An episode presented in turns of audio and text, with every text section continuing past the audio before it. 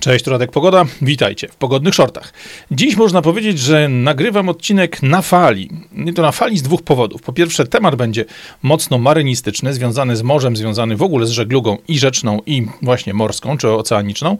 A dwa, że na fali, ponieważ dziś w nocy kanał Radek Pogoda na YouTubie przekroczył 10 tysięcy subskrybentów. Te 10 tysięcy osób, które zaufało mi, zwykłemu człowiekowi gdzieś tam z południa Polski, swój czas, swoją uwagę, mm, osoby, które dały mi wejście wejście do swojego domu, wejście do swojego telefonu, niektórzy nawet do swojego samochodu, bo mam gdzieś też zdjęcia, jak ktoś ogląda mnie na jakimś tam systemie rozrywki w samochodzie. E, to jest wyraz najwyższego zaufania. W dzisiejszym czasach, w tym wariactwie, które się dzieje dookoła nas, kiedy wszędzie wciska nam się do głowy przez uszy, przez oczy, niemalże przez dotyk propaganda, reklama i cała reszta, to, że ktoś potrafi wygospodarować 30, 40, czasami nawet ponad godzinę e, na to, aby posłuchać takiego faceta jak ja, amatora gawędziarza, jak to mówią moi znajomi. To jest wyraz absolutnie najwyższego zaufania i bardzo Wam serdecznie wszystkim za to dziękuję. Ci, którzy jeszcze nie subskrybują, ci, którzy jeszcze nie są z nami w kontakcie stałym, czyli nie, nie widzą tych informacji o nowych materiałach, nowych filmach pojawiających się praktycznie codziennie ostatnimi czasy, zapraszam. Zasubskrybujcie, włączcie dzwoneczek, piknijcie tam to ustrojstwo, żeby dawało Wam informację, że coś nowego się pojawia.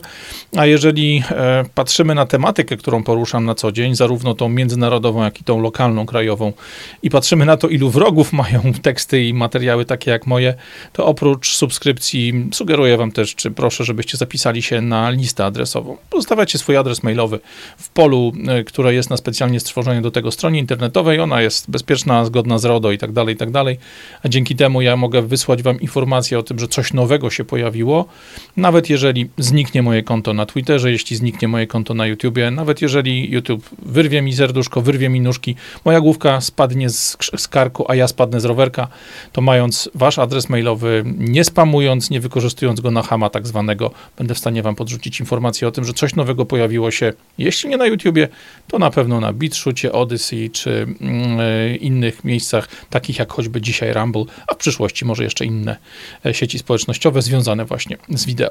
Yy, tyle w temacie pierwszej fali, przejdźmy do fali drugiej. Yy, hasło odcinka, czy to, co mnie skusiło do nagrania tego materiału, to artykuł, który na LinkedInie umieścił Leszek, Leszek Ślazek, człowiek, który jest absolutnym fachowcem, jeśli chodzi o informacje z Chin, jeśli chodzi o to, co się dzieje na rynku chińskim, e, które te informacje przekazuje w sposób niefiltrowany, w sposób, który pokazuje zupełnie inny obraz, albo który uzupełnia ten obraz, który możemy znaleźć gdzieś tam w mediach tak zwanego głównego nurtu, czy głównego ścieku, jak mówią ludzie, którzy znają mnie lepiej.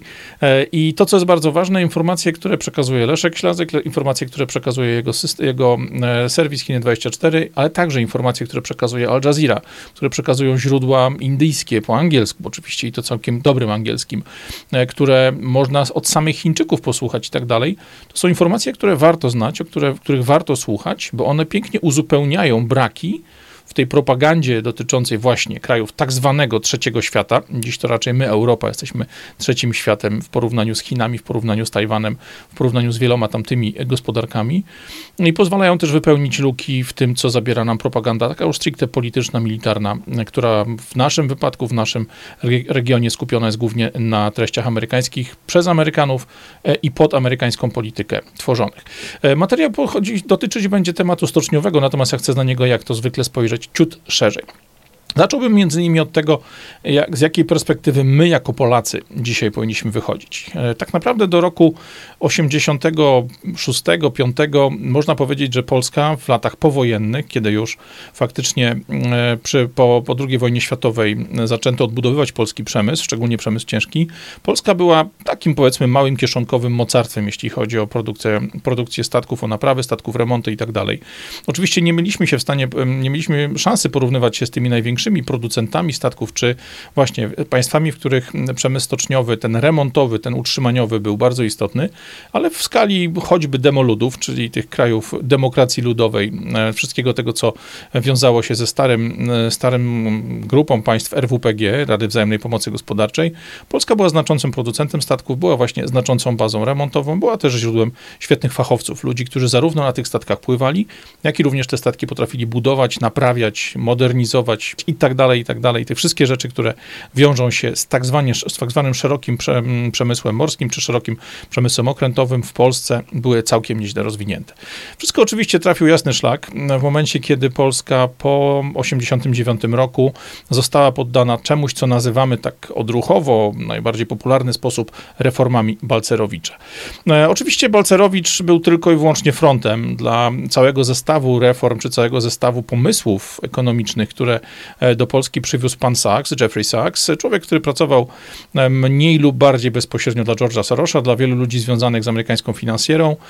Tak naprawdę powody tego mm, wprowadzenia tej terapii szokowej, powody wprowadzenia tego właśnie tak zwanego planu Balcerowicza e, możemy znaleźć zarówno w roku 1985 podczas spotkania Wojciecha Jaruzelskiego, człowieka, który wtedy rządził niepodzielnie krajem e, z Rockefellerem w Nowym Jorku i późniejszych spotkań Jaruzelskiego i ludzi e, związanych właśnie z mm, zarządzaniem Polską z pozycji PZPR-u z George'em Sorosem, który w Warszawie był dużo wcześniej niż zaczęły się tak zwane przemiany ustrojowe.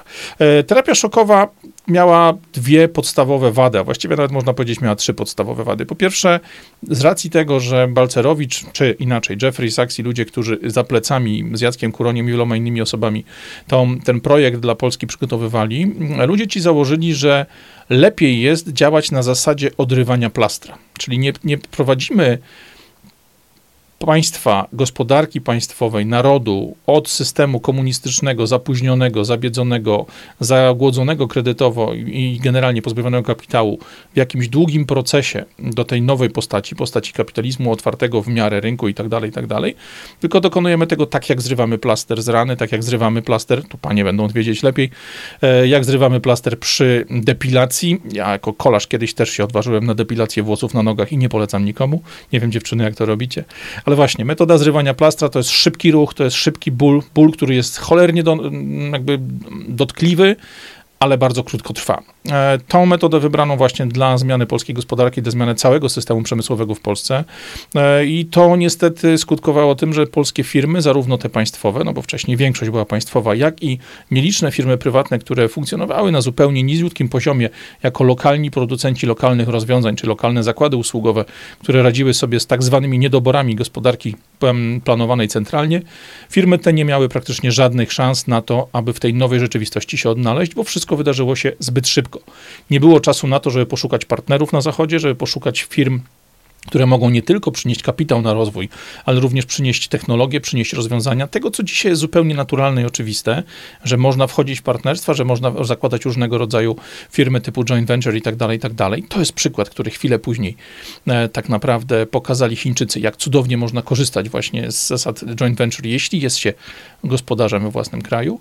E, natomiast ten metoda szoku, metoda tej terapii szokowej nie pozwoliła na to, żeby w tych firmach przeprowadzić restrukturyzację, żeby wpuścić tam nowsze, sensowne sensowniejsze, lepiej wykształcone kadry, żeby dokonać choćby prostej optymalizacji, odsprzedając działy, czy odsprzedając typy działalności, maszyny, urządzenia, obiekty, które nie są potrzebne do tego, żeby nową działalność prowadzić, czy tą, powiedzmy, nową, w nowym wydaniu, taka firma stara prowadziła nową swoją działalność, to wszystko w ramach planu e, Jeffrey'a Sachsa, e, firmowanego u nas przez Leszka Balcerowicza, zostało zamienione na szybką akcję pod tytułem Wyprzedajemy wszystko, co możemy. W ten sposób polski przemysł szykowany był do przejęć i do zamknięcia, do likwidacji całych wręcz gałęzi gospodarki.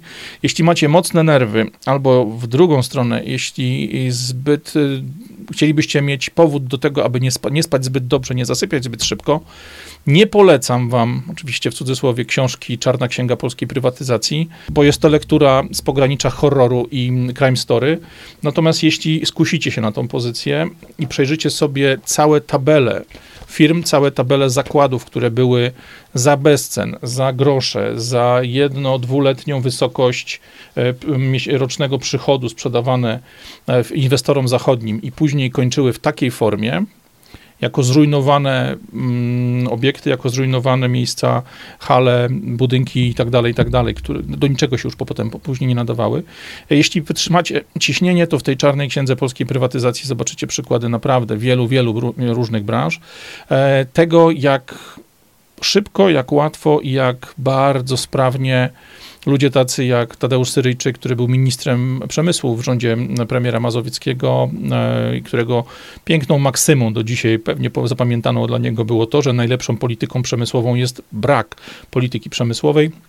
Jak ludzie tego pokroju, jak ludzie pokroju właśnie Leszka Balcerowicza, wykonawcy jego działań, ludzie pokroju tak zwanej nowej Solidarności, tej Solidarności związanej z Lechem Wałęsą wybranym już jako agent MSB i tak dalej, i tak dalej, to co zrobili z polskim przemysłem. A jeśli poczytamy sobie takie miejsca, czy takie źródła właśnie jak ta czarna księga polskiej prywatyzacji, jeśli poczytamy sobie raporty polskich ekonomistów, polskich historyków dotyczące tego, co się wydarzyło z polskim przemysłem w ogóle, to okazuje się, że z 6250 dokładnie zakładów przemysłowych, które w roku 1988, kiedy tworzony był ten ostatni e, rocznik statystyczny przed tak zwaną e, zmianą ustroju, e, te 6250 firm to była ilość firm, które w Polsce zatrudniały powyżej 100 pracowników. To w większości były zakłady, które miały znacznie więcej niż tą stówkę. Mój ojciec pracował w wrocławskim przedsiębiorstwie budownictwa przemysłowego numer 1, tak zwanej wrocławskiej jedynce, firmie, firmie, która w szczycie miała kilka tysięcy pracowników, zarówno tu we Wrocławiu, jak i na różnych budowach, które obsługiwali. Takich firm budowlanych samych we Wrocławiu były, z tego co pamiętam, chyba trzy.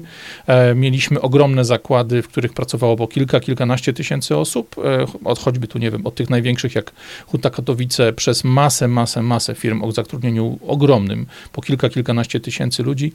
To wszystko zostało przebudowane, to wszystko zostało zmienione. Część tych zakładów została faktycznie zrestrukturyzowana, porozbijana na mniejsze, bardziej sensowne, bardziej pasujące do nowego układu gospodarczego, ale ponad jedna trzecia tych zakładów właśnie listowanych, czy tam z, za, zaliczonych na, na, na, listę dużych zakładów przemysłowych w roku 88, ponad jedna trzecia tych firm została po prostu zlikwidowana, a co po przeliczeniu oznacza, że straciliśmy jako kraj około 40% całościowego potencjału produkcyjnego całościowego potencjału przemysłowego straciliśmy ponad 2 miliony miejsc pracy. Samo to byłoby zbrodnią, natomiast jeszcze większą zbrodnią jest sposób, w jaki ta mm, prywatyzacja była prowadzona, bo najczęściej do prywatyzacji, do sprzedaży szły firmy, które miały w miarę nowoczesną technologię, świetnych ludzi, bo Polska zawsze była krajem, który słynął z tego, że mamy bardzo dobrych inżynierów, bardzo dobrych techników, że ten nasz standard pracy, że ten nasz standard umiejętności wykonywania swojej roboty, jeśli się nam oczywiście dobrze zapłaci. Był jednym z najwyższych wtedy dostępnym w Europie, a na pewno jednym z najwyższych, jeśli chodzi o tak zwane demoludy, czyli znowu to kraje demokracji ludowej, te kraje wschodniego bloku.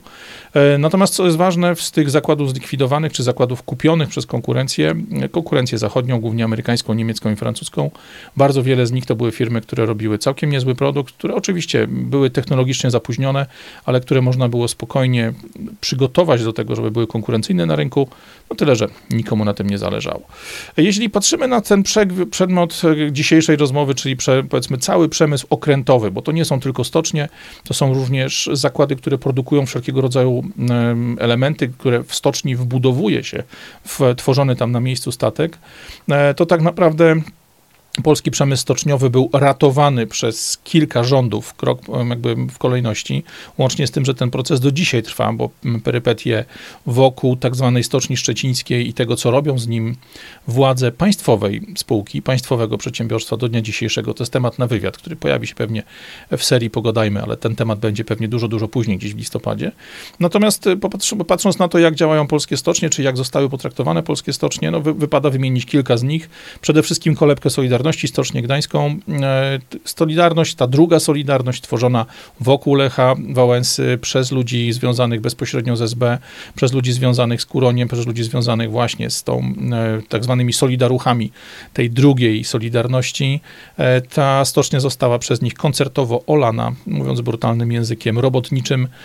Ci ludzie zapatrzeni we własne interesy, zarówno polityczne, jak i interesy finansowe, interesy związane właśnie z wpuszczaniem obcego kapitału, zarabianiem na tym niemałych pieniędzy, całkowicie odpuścili sobie walkę o to, żeby miejsce, w którym zaczął się cały ruch, mm, ruch robotniczy, miejsce, które było tym najsilniejszym, e, najsilniejszym punktem zapalnym, który był wykorzystany do przemian związanych właśnie ze zmianą ustroju w Polsce, bo O samych zasadach pogadamy w innym momencie. E, to miejsce zostało całkowicie przez ludzi, którzy stamtąd wyrośli, którzy na tej legendzie wyrośli, całkowicie porzucone. Oczywiście oprócz Stoczni Gdańskiej mieliśmy przykłady takie właśnie choćby jak Stocznia Gdynia, która była fantastycznym miejscem, jeśli chodzi o potencjał do budowy statków pełnomorskich, statków oceanicznych. Nie wiem, czy wiecie, że w Stoczni Gdynia na końcówce PRL-u mieliśmy dok, czyli takie urządzenie, które pozwala się zanurzyć, żeby wyciągnąć statek na powierzchnię i naprawiać go właśnie już wyciągniętego ponad poziom wody. Mieliśmy dok, który pozwalał na obsługę statków e, klasy VLCC. To jest Very Large e, Crude, um, Boże, czwartego, czwartego członu zapomniałem. Generalnie statek, który, czy tam dok, który pozwalał na obsługę bardzo dużych zbiornikowców, zbiornikowce, które pływają z surową ropą na trasach między krajami arabskimi, a na przykład Stanami Zjednoczonymi czy Europą. Ten dok klasy VLCC to jest ogromna instalacja, która pozwalało na spokojnie konkurować na rynku i utrzymać produkcję takiej stoczni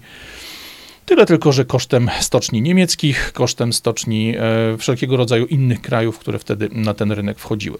Oczywiście, jeśli mówimy o przemyśle okrętowym, to mówimy o znacznie większej ilości firm, bo to nie tylko Gdańsk, nie tylko Szczecin, Gdynia, e, to również e, stocznie, które produkowały kutry rybackie, kutry zarówno te, które kręciły się po Bałtyku na tych wodach przybrzeżnych, takie, które znamy po prostu gdzieś tam z naszych wakacji, kiedy, które pływają sobie wzdłuż plaż, na których wygrzewamy nasze seksowne ciała, ale również kutry pełnomorskie, statki które pozwalają łowić ryby na Atlantyku, gdzie najwięcej ryb w tym momencie dla Polski jest, dla Polski jest zdobywanych, to wszystko zostało praktycznie zaprzepaszczone. Oczywiście część tych stoczni została mm, odbudowana w formie firm prywatnych, część z nich dzisiaj produkuje fantastyczne jachty, najróżniejsze mm, produkty, czy rzeczy związane w ogóle z przemysłem okrętowym, ale właśnie, to nie tylko stocznie, ale też wiele, wiele innych firm zostało e, zlikwidowanych albo zostało za bezcen sprzedanych zagranicznej konkurencji. Czasami po to, żeby robić to, co robiły wcześniej, tylko z nowym logo, a czasami po to, żeby zostały zarżnięte, tak jak to w tym, na tych zdjęciach z czarnej księgi prywatyzacji, żeby zostały z nich ruiny. Mówimy tutaj o firmach, które produkowały wszelkiego rodzaju osprzęt okrętowy, czyli od takierunku, czyli wszelkiego rodzaju elementów związanych z cumowaniem tego statku, z przymocowaniem go do brzegu, czy mocowaniem ładunku i tak dalej, przez wszelkiego rodzaju elementy wyposażenia. Mówimy tutaj zarówno o elementach wyposażenia związanych z towarami, które ten statek przewoził, czyli wszelkiego rodzaju pokrywy, luki, drzwi, jakieś tematy związane z przesypywaniem ładunków sypkich, czy z zachowaniem stabilności statku, kiedy transportuje właśnie ładunek sypki, taki jak zboże, takie jak węgiel, takie jak wszelkiego rodzaju e, chemię, czy nie wiem, surowce do produkcji choćby nawozów sztucznych i tak dalej. E, mówimy tutaj o wszystkich sprzętach hydraulicznych, które przenoszą nam płyny, zarówno wodę na statku, woda jest bardzo istotna do właśnie wystabilizowania, do ustabilizowania, wybalastowania z tego statku, e, jak i wszelkiego rodzaju płyny hydrauliczne, które służą do otwierania, zamykania różnych rzeczy, do obsługi dźwigów. Mówimy tutaj o wszelkiego rodzaju producentach elektryki elektroniki, no bo przecież każdy statek to jest ogromny las przewodów, to jest ogromny las siłowników, jakichś silników elektrycznych i tak dalej. Mówimy o firmach, które produkują środki utrzymania tych statków, czy wszelkiego rodzaju części zamienne, wszelkiego rodzaju narzędzia, e, jakieś elementy, które podlegają naturalnemu zużyciu, właśnie jakieś ślizgi, nieślizgi, rolki, inne tego typu rzeczy.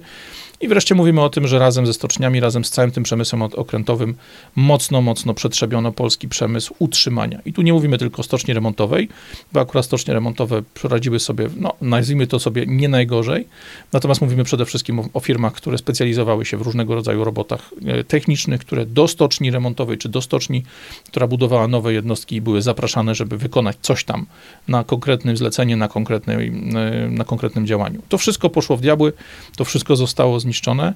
Dziś polski przemysł okrętowy to jest zaledwie, zaledwie 8% produkcji. I to nie procent produkcji świata, całego światowego przemysłu okrętowego, tylko 8% produkcji całej Unii Europejskiej. A Unia Europejska nie jest niestety potęgą, o czym porozmawiamy sobie za chwilę.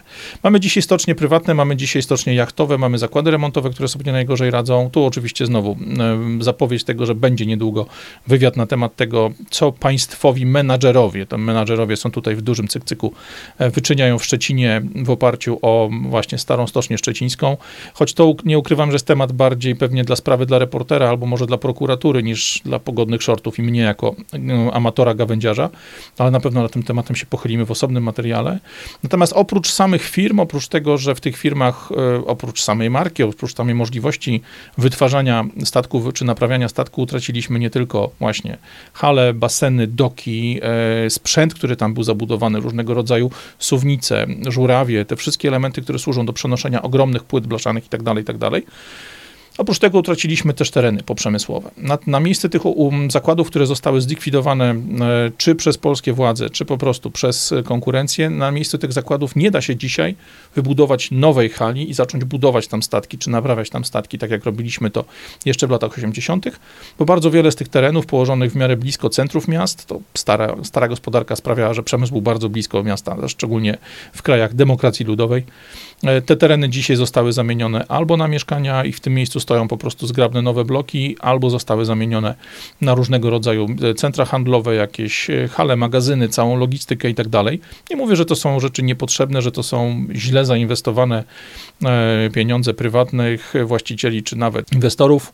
Mówię tylko o tym, że tereny poprzemysłowe w dzisiejszej, szalonej na punkcie tak zwanego zielonego ekoterroryzmu Unii Europejskiej są nie do odtworzenia, bo nikt nie pozwoli dzisiaj przy nabrzeżu, które kiedyś było nabrzeżem przemysłowym, nabrzeżem portowym czy nabrzeżem stoczniowym, nie pozwoli dzisiaj w miejsce istniejącego bloku czy jakiegoś centrum handlowego, nikt nie pozwoli dzisiaj postawić fabryki, bo Unia Europejska kompletnie zwariowała i nie chce już dzisiaj przemysłu u nas.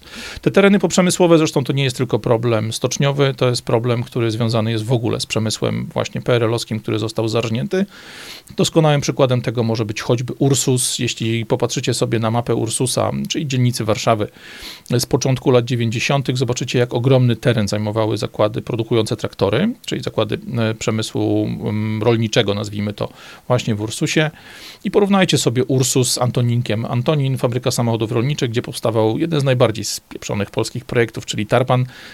Wyjątkowo e, chałupnicza produkcja, ale zobaczcie, jak może wyglądać takie miejsce, które kiedyś było przemysłowe, właśnie zakłady w Antoninku, gdzie dzisiaj siedzi Volkswagen i od wielu, wielu lat już produkuje produkuje samochody dostawcze, czyli mniej więcej zachowaliśmy ten sam typ produkcji, to nadal jest miejsce, w którym generowana jest jakaś wartość dodana, w którym ludzie zarabiają pensje, w którym ludzie mogą pracować.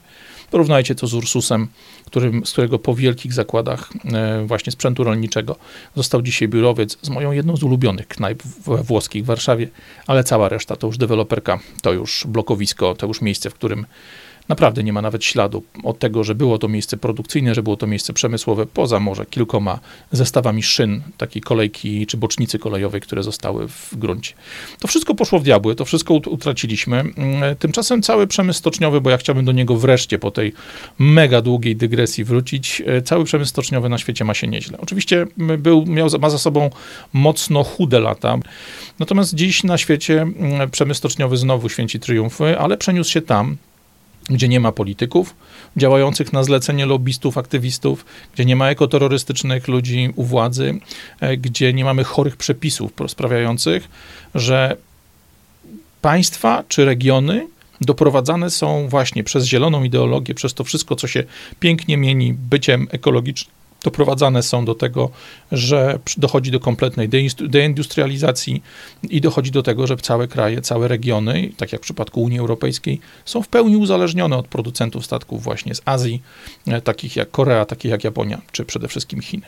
E, to, co się dzieje dzisiaj w Azji, to jest przykład tego, że można być potęgą, można budować swoją potęgę, na, tylko wtedy, kiedy zachowujemy tak zwaną bazę zasobów. Kiedy możemy na naszym terenie albo niedaleko od nas wyprodukować stal, który taki statek da się, z którego taki statek da się wyspawać.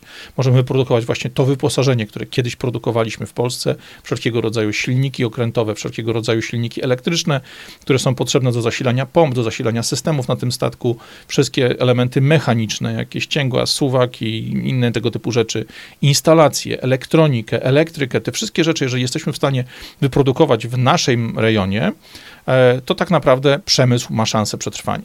Ale oprócz tego, że mamy możliwość produkcji pewnych, wyprodukowania, zdobycia pewnych surowców, pewnych komponentów, musimy też mieć zaplecze ludzkie.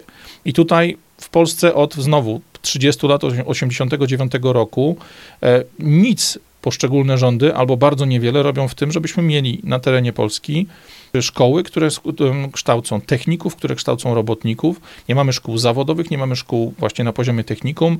E, te technika, które istnieją, moja córka, jedna z moich córek chodzi do technikum, wiem jaki więc jest profil w ogóle całej szkoły. Te technika są bardzo mocno przesunięte w kierunku nauczania no stricte rzeczy związanych z tak zwanymi nowoczesnymi technologiami, czy przykładem, czy przedmiotów, czy tam specjalizacji, które są tą właśnie nowoczesnymi wymysłami e, typu nauki społecznej i tak dalej. To, że ktoś nazywa się technikiem X, nie znaczy, że ma fach w ręku nie znaczy, że potrafi pracować. Tymczasem właśnie tam w Azji nadal mamy bardzo wysoki standard i bardzo wysoki poziom rozpoznawalności, bardzo wysoki poziom prestiżu u ludzi takich jak inżynierowie, takich jak technicy, ludzie, którzy pracują właśnie w przemyśle, którzy pracują w firmach naprawiających jakieś duże obiekty i tak dalej, i tak dalej. Baza surowcowa, baza techniczna, baza ludzka to jest podstawa, no ale rzeczą czwartą, elementem czwartym niezbędnym do tego, żeby produkcja mogła funkcjonować są tak zwane warunki do jej prowadzenia. I tutaj chciałbym się pochylić nad, e, właśnie nad Chinami, jako nad miejscem, na które w tej chwili chciałbym z wami spojrzeć, e, bo Chiny te warunki do prowadzenia produkcji, takie jak właśnie e, przemysł okrętowy czy przemysł stoczniowy bardziej szczegółowo, mają zachowane. One nigdy nie były jakoś tam przesadnie idealne, bo jest to kraj, który ma wiele problemów e, związanych choćby ze swoim zaludnieniem, z tym, gdzie ludzie się rodzili przez lata, z kompletnie szaloną polityką pojedynczego dziecka i tak dalej, i tak dalej. Ale wiedząc, jakie ograniczenia stoją przed chińskimi firmami, przed chińskimi producentami, władze chińskie wiedziały doskonale, że trzeba zapewnić to wszystko, co jest potrzebne w ramach ograniczeń, w ramach możliwości, którymi dysponują. Mamy więc od strony tych warunków do prowadzenia produkcji przede wszystkim doskonałą sieć transportową. Jeśli popatrzymy sobie na mapę chińskich kolei, e, to najczęściej zwracamy uwagę na koleje wysokich prędkości. Te, które jeżdżą dzisiaj e, częściej, szybciej i bardzo, bardzo mocno dalej niż najlepsze koleje wysokich prędkości, e, takie jak japoński Shinkansen, czy francuskie TGV, czy choćby niemieckie ICE, Intercity Express. Koleje wysokich prędkości do przewożenia ludzi w Chinach to jest coś, co stało stało się standardem, co jest świetną alternatywą dla samolotów.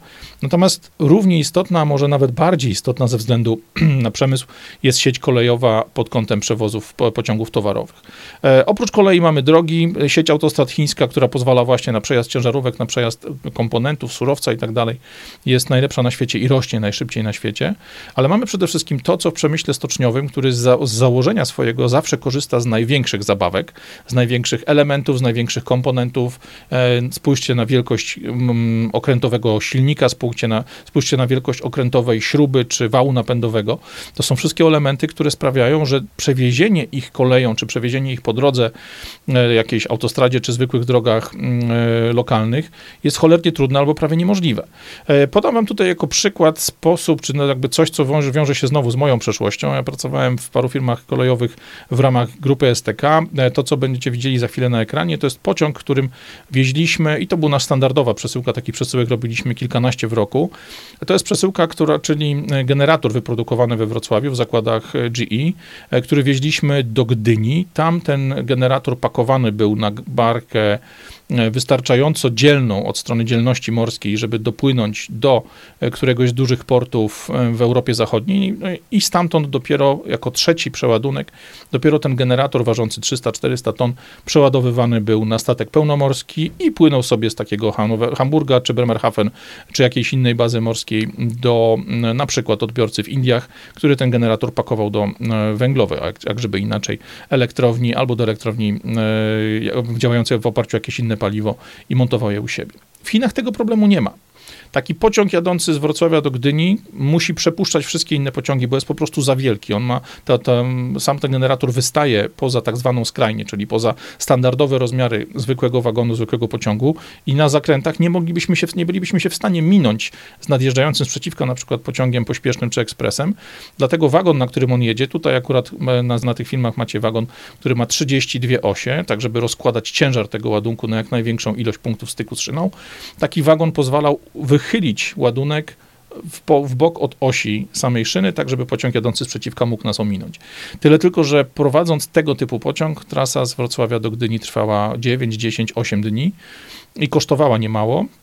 A przede wszystkim, żeby taki, taki generator dostarczyć do klienta w Indiach, czy dostarczyć do klienta w innym miejscu na świecie, trzeba było go raz załadować we Wrocławiu na taki właśnie mega sprytny wagon, 9 dni wieść do portu w Gdyni, tam załadować go po raz drugi z wagonu na barkę, stamtąd tą barkę przepchnąć do na przykład Hamburga czy do mm, Bremerhaven i tam po raz trzeci przeładować go z barki na statek pełnomorski i dopiero w Indiach po raz czwarty wrzucić z kolei znowu na jakąś ciężarówkę, e, czy w tym wypadku na, na statek e, przepraszam, na, e, na wagon kolejnego pociągu towarowego. Te wszystkie operacje strasznie długo trwają, te wszystkie operacje strasznie dużo kosztują, bo po drogach i po torach bardzo źle, bardzo trudno wozi się elementy, które są ogromne, takie jak na przykład e, łopaty do, do elementów wież wiatrowych, czy same wieże wiatrowe i rzeczy bardzo ciężkie, tak jak w tym wypadku właśnie generatory, czy inne tego typu rzeczy.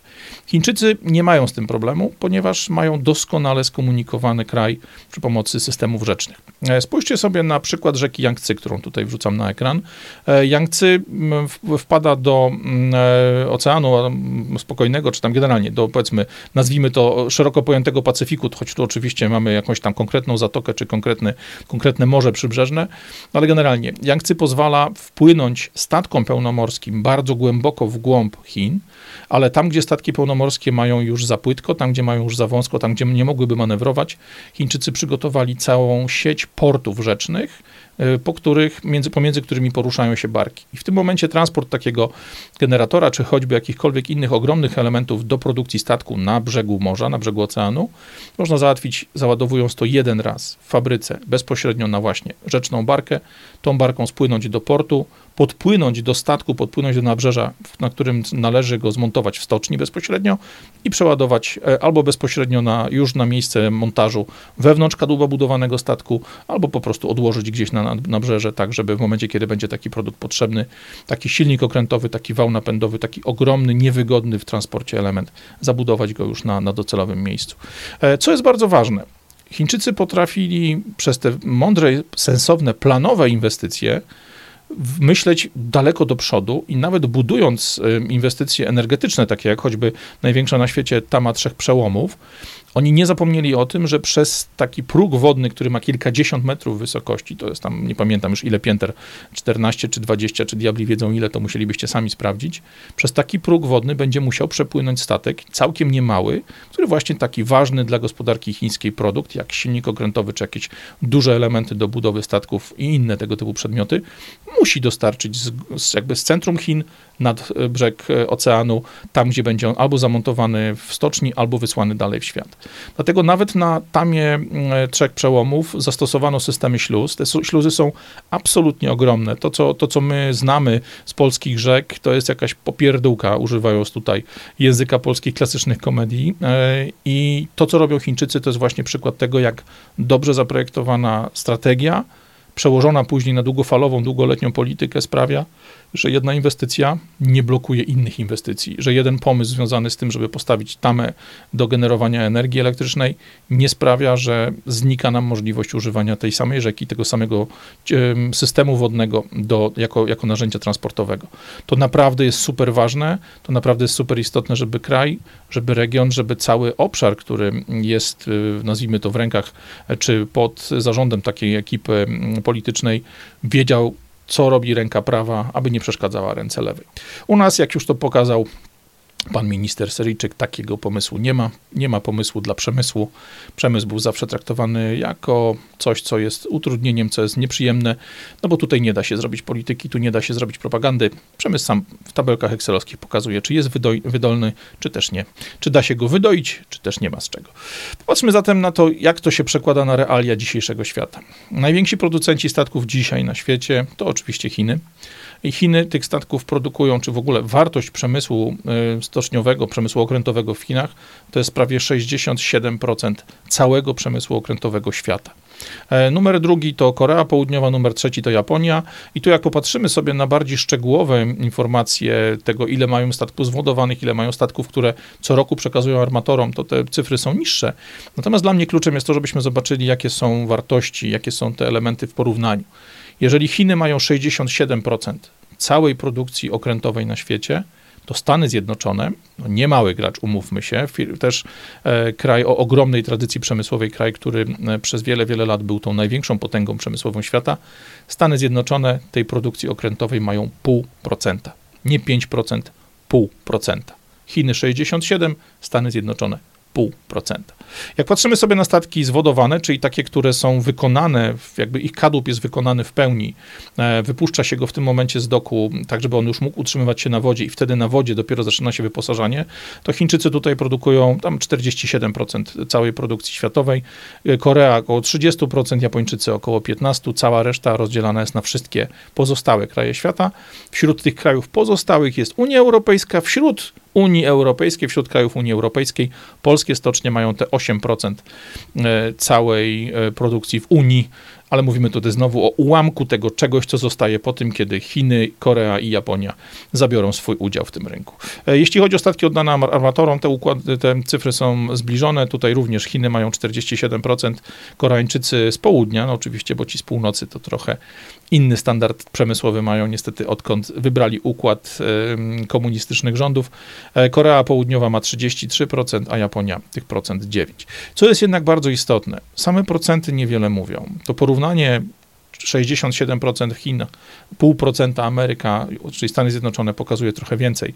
Ale najlepiej na ten temat wypowiedzieli się ludzie z amerykańskiego wywiadu marynarki wojennej. Oni oceniając możliwości produkcyjne chińskich stoczni całościowo, gdyby Chińczycy rzucili wszystkie kontrakty, które robią dzisiaj, gdyby musieli zacząć produkować statki e, czy okręty wojenne w tym momencie, e, to amerykański wywiad marynarki wojennej mówi wprost, Chińczycy dziś mają zdolności produkcyjne o 200 razy większe niż USA. 200 razy. Nie dwa razy, nie 20 razy, 200 razy większe niż Stany Zjednoczone. Co to wszystko oznacza dla nas? Niestety dla nas, i to bardzo przykre stwierdzenie, podobne do tego, jak zamykałem film o BRICSie, oznacza to, że znowu jesteśmy pasażerami siedzącym gdzieś tam w czwartym, piątym, siódmym czy siedemnastym wagoniku tego pociągu zwanego historią.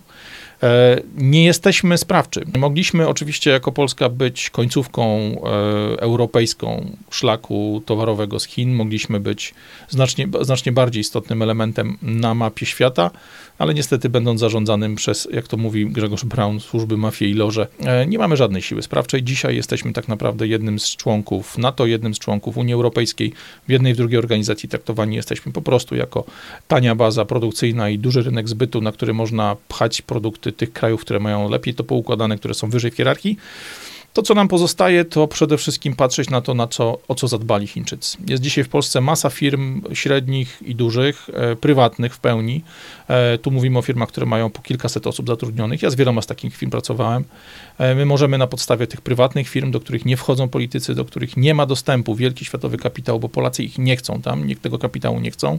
Na bazie takich firm możemy zacząć budować tą nową perspektywę dla Polski. Tą bazę ludzką, czyli kształcić fachowców, kształcić robotników, techników, inżynierów, menadżerów, ludzi od sprzedaży, od marketingu, wszystkich tych funkcji, e, które są niezbędne, żeby prowadzić nowoczesną firmę na nowoczesnym rynku, a wreszcie w tych firmach w oparciu o miejsce na mapie, na którym jesteśmy, o to, że Polacy naprawdę nie stracili zębów, nie stracili jaj, nie stracili kręgosłupa. O to wszystko możemy dbać po to, żebyśmy za lat naście, czy za lat kilka, znowu korzystając ze zmiany koniunktury światowej, byli w stanie wrócić na miejsce, które mieliśmy jeszcze w latach 60., 70. czy 80. Niemałego rynku, niemałego producenta kraju, w tym wypadku, który w dużym stopniu sam produkuje to, co potrzebuje do swojego utrzymania. Oczywiście korzystając z importu, oczywiście korzystając z opcji eksportowych, ale to my musimy zadbać o to, żeby w Polsce były firmy, były ludzie, byli zakłady, które potrafią wyprodukować komponenty, surowce, elementy, z których można zrobić coś, co ma dużą wartość i wysyłać je w świat. I takich firm w Polsce naprawdę nie brakuje. To, że nie widzą tego politycy, nie znaczy, że nie mamy widzieć my. Dziękuję Wam bardzo. Straszna z tego wyszła kobyła, ale mam nadzieję, że dość spójna i sprawna. Trzymajcie się i do następnych pogodnych, tym razem shortów. Na razie. Radek Pogoda, cześć.